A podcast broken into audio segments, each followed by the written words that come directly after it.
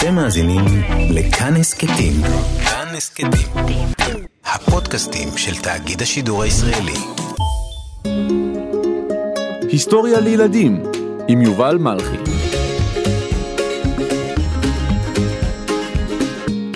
אליעזר בן יהודה.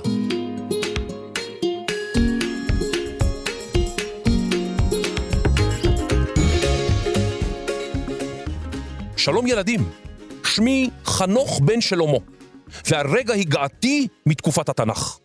דובר עברית אנוכי. אה, שלום לך איש מוזר, אה, הנה כך. מה זה? עגבניה. איזו מילה מוזרה. רוצה גלידה? אה, מי? מה? אילו מילים מוזרות אתה דובר? אתה בטוח שאתה דובר עברית?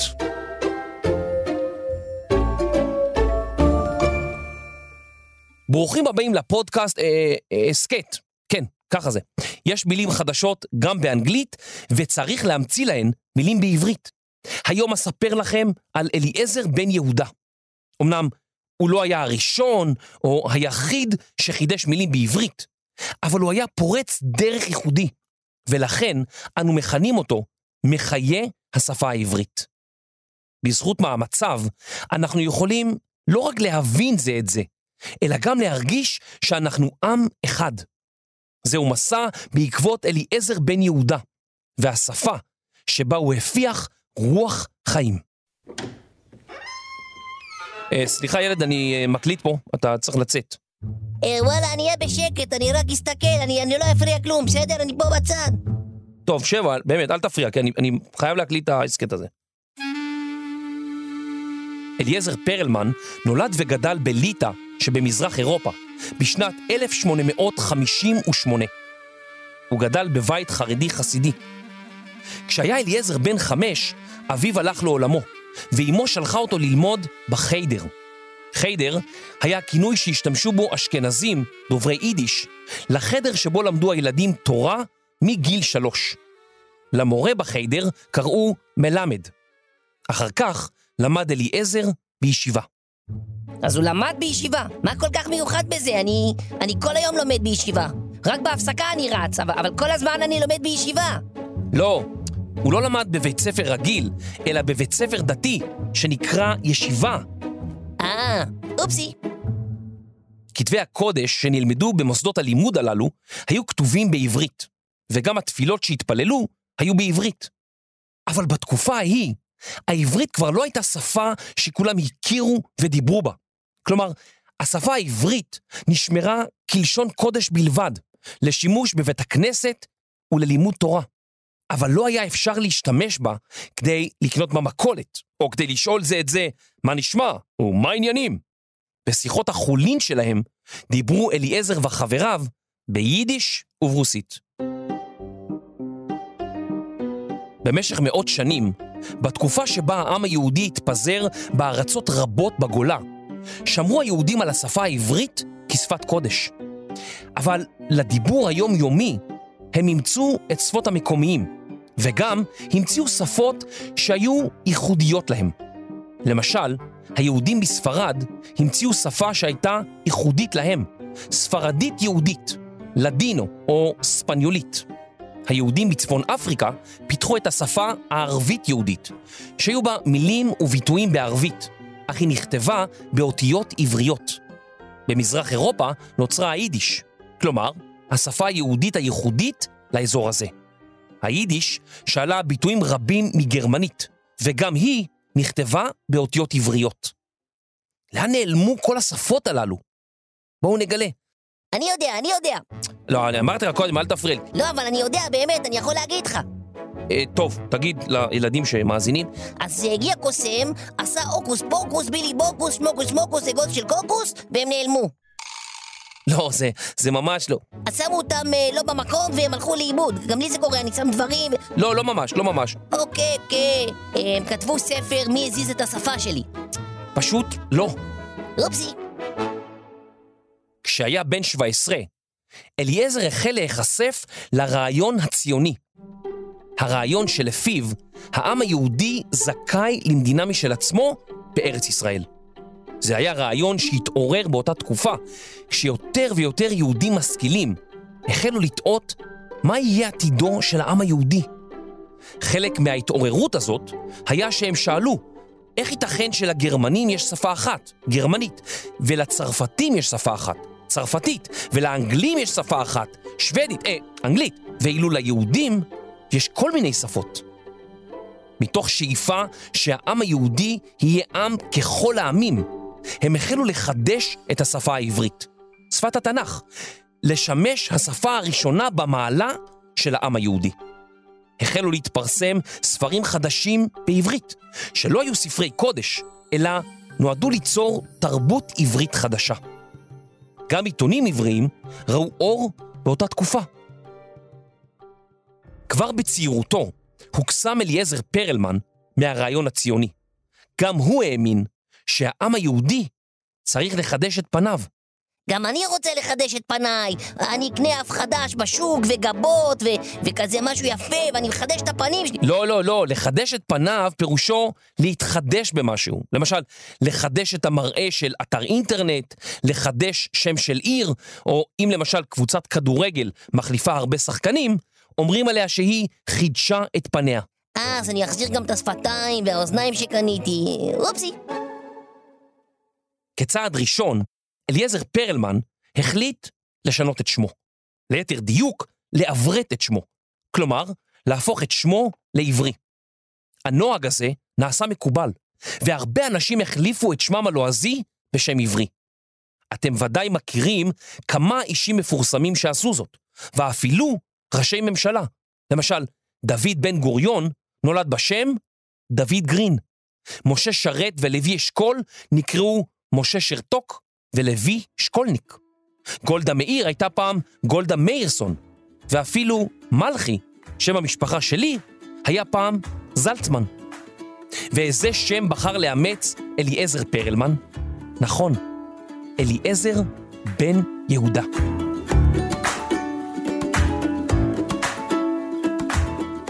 הפעם הראשונה שאליעזר בן יהודה השתמש בשמו החדש, הייתה כאשר חתם על מאמרו הראשון בעברית.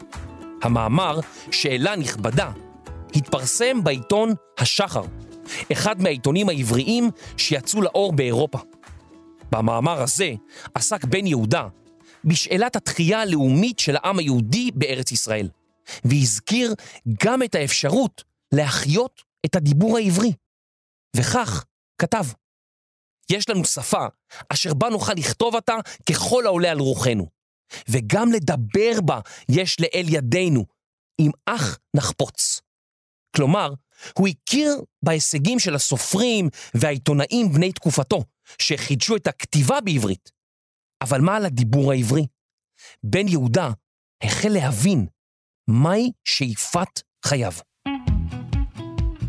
בן 20 הוא נסע לפריז, בירת צרפת, כדי ללמוד רפואה. בינתיים המשיך לפרסם מאמרים בעברית וקרא ליהודים להחליף את שפת הלימוד בבתי הספר היהודיים. הוא הבין שלמבוגרים כבר קשה לאמץ שפת דיבור חדשה, אבל לילדים קל יותר. הוא חשב שהשפה העברית יכולה להפוך לשפת אם, כלומר, לשפה הראשונה של הדור הבא של העם היהודי. למשל, הוא כתב, אם חפצנו כי בנינו יהיו עיוורים, עלינו לחנכם בשפת עברית, ולעשותה השפה העיקרית בחינוך בנינו. הוא גם החליט לשמש דוגמה אישית ולהקים את המשפחה הראשונה בעידן המודרני שתדבר רק עברית, כדי שהעברית תהיה לילדיו שפת אם. אבל איפה הוא ימצא אם? אמא.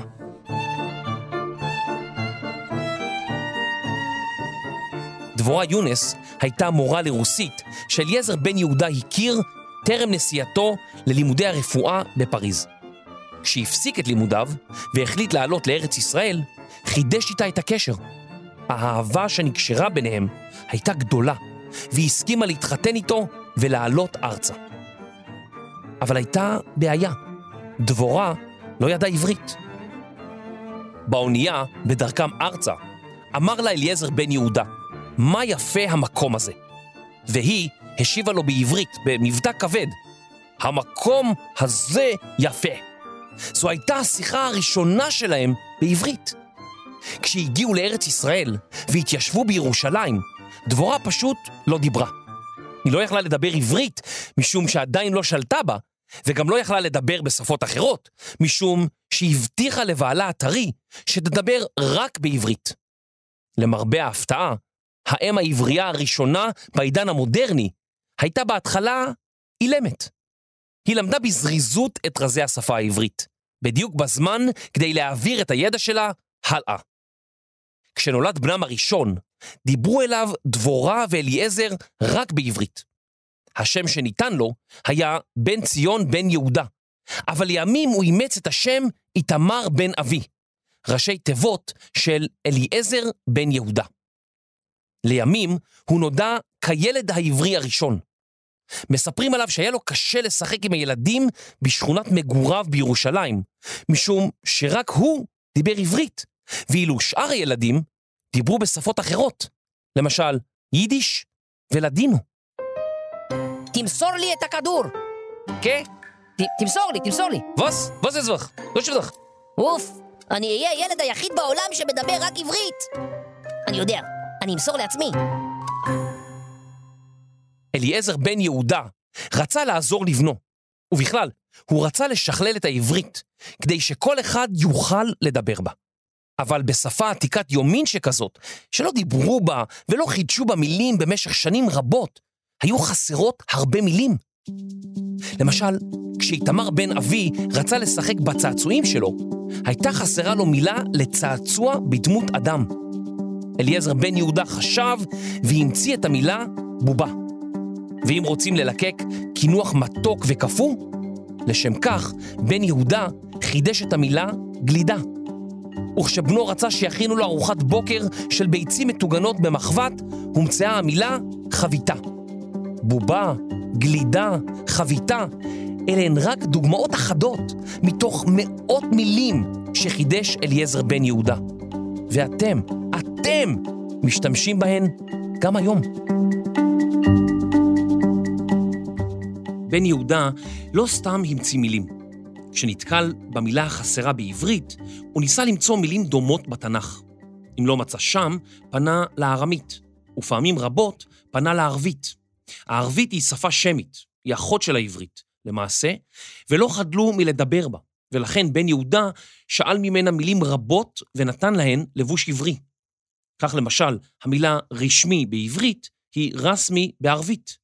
מעדר הוא מעדור, אדיב הוא אדיב, ומטבח הוא מטבח בערבית, שמשמעותו לבשל. את המילה מטפחת שאב בן יהודה מהתלמוד, שם היו מוחתין או מנקים את פתיל הנר. בערבית, המילה מחתה פירושה הפרשת האף.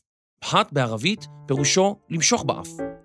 בן יהודה חיבר את שני אלה וחידש את המילה ממחתה. אם לבוש היה חלק מתלבושת, אז זמר היה חלק מתזמורת. את המילה אדיש הוא שאב מארמית, שבה המילה תיארה אדם שלא אכפת לו משום דבר.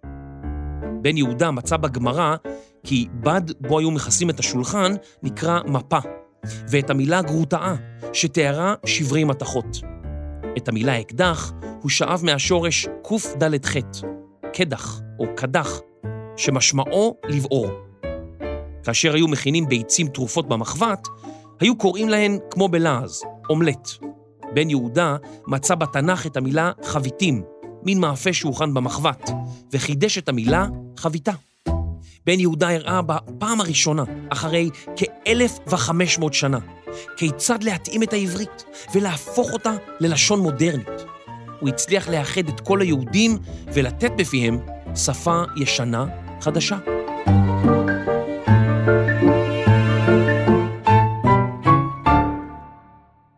זוכרים את המילה הסכת? זאת המילה העברית שנבחרה לפודקאסט. מי בחר אותה? התאגיד והאקדמיה ללשון העברית פנו בפנייה אל הציבור להציע הצעות, ולאחר דיונים רבים נבחרה המילה הסכת. האקדמיה ללשון העברית, ככה צריך להגיד, היא הגוף המוסמך במדינת ישראל לכל שאלה על השפה העברית. והקים אותה, או ליתר דיוק את הגופים שקדמו לה, נכון, אליעזר בן יהודה. למעשה, הוא הקים בירושלים את אגודת שפה ברורה, במטרה לעודד את הדיבור בשפה העברית. אלא שאגודת שפה ברורה התקבלה בתחושות מעורבות. הספרדים והאשכנזים בירושלים נחלקו בדעותיהם.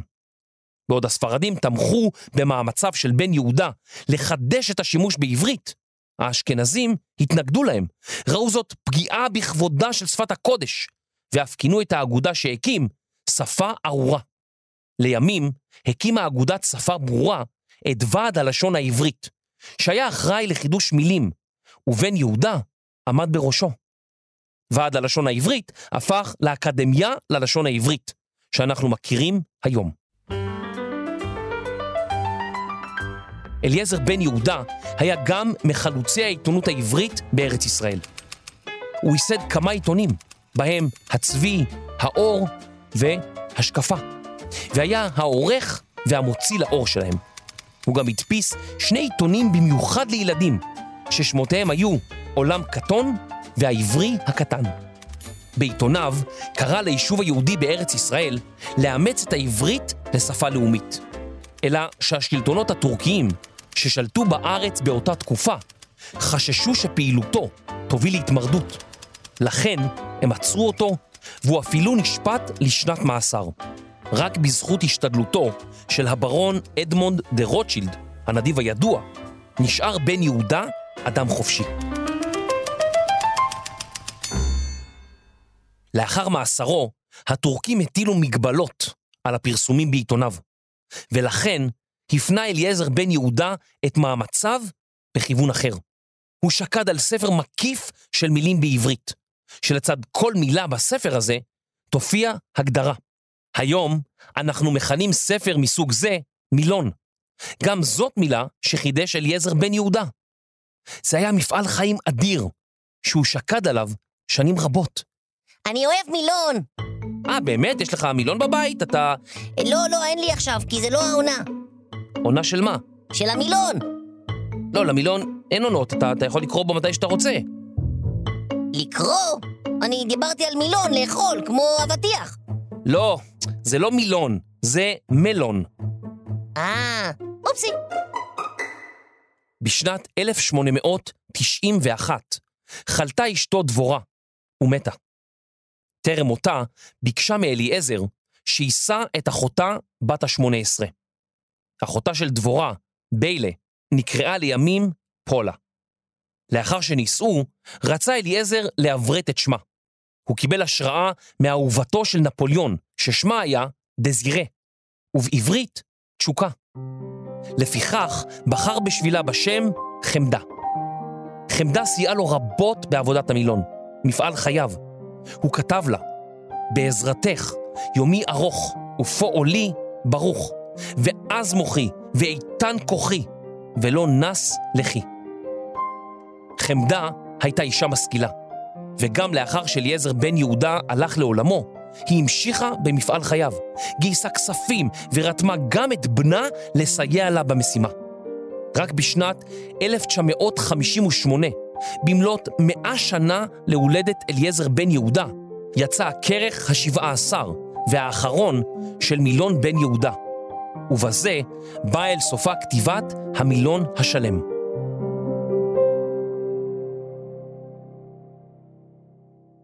בשנותיו האחרונות, בעודו עוסק בגיוס כספים להוצאה לאור של מילונו, הספיק אליעזר בן יהודה לראות את הדיבור העברי הולך ומתפשט בארץ ישראל, במושבות החדשות שהוקמו, בהן פתח תקווה, ראשון לציון ורחובות.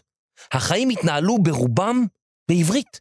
היה אפשר סוף סוף ללכת ברחוב ולשאול, מה נשמע? ומה העניינים? בעברית.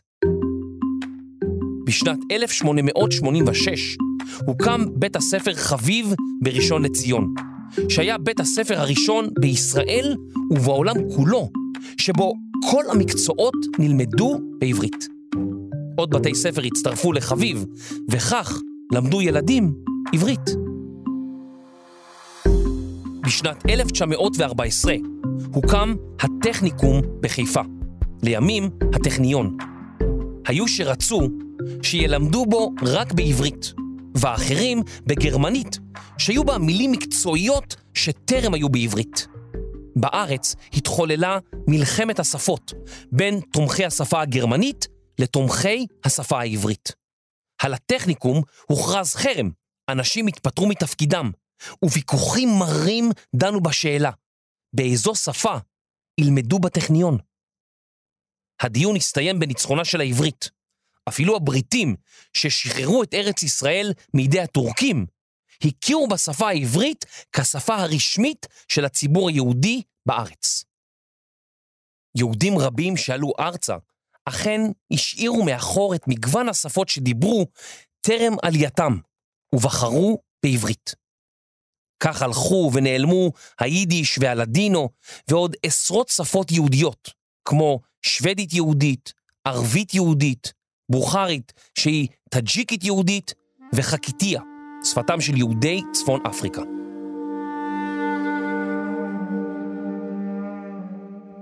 בן יהודה מת בביתו בן 66. אשתו מצאה אותו יושב ליד שולחנו ועט בידו. היא הזעיקה רופא שקבע את מותו. כמה סימבולי או מייצג שהאיש שהחיה את השפה העברית מת ועט בידו.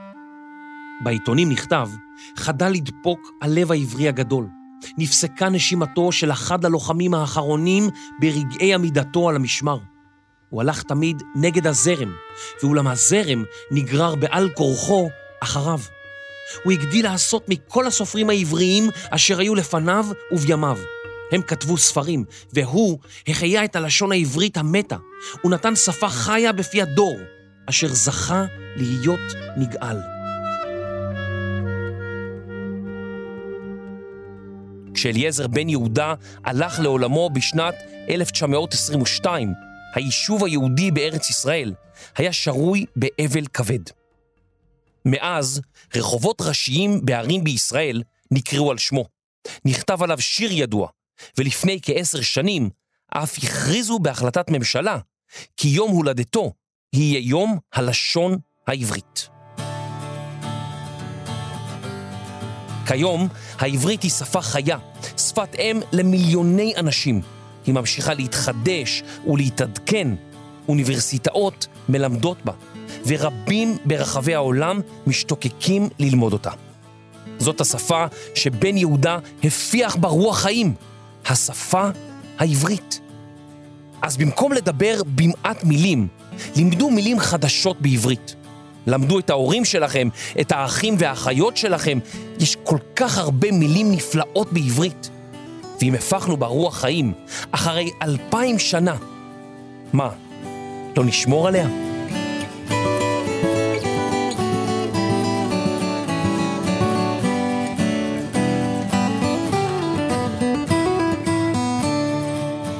מחקר כתיבה והמצאת המילה חס... תומר שלוש. עריכה, קריינות וממחטות, יובל מלכי. עריכת לשון וחברות בוועד הלשון העברית, סמדר כהן וקרן בן שושן. מיקס, אפקטים והילד העברי השני, אסף רפפורט. הפקה וקריאה של המינון השלם מההתחלה ועד הסוף. רני שחר ואייל שינדלר. אני יובל מלכי, היסטוריה לילדים.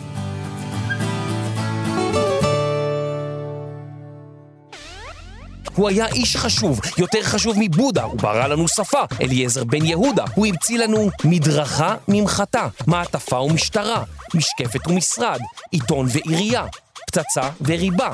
אליעזר. תודה רבה. ילדים והורים יקרים, אם אתם אוהבים את ההסכת היסטוריה לילדים, נשמח שתעזרו לנו.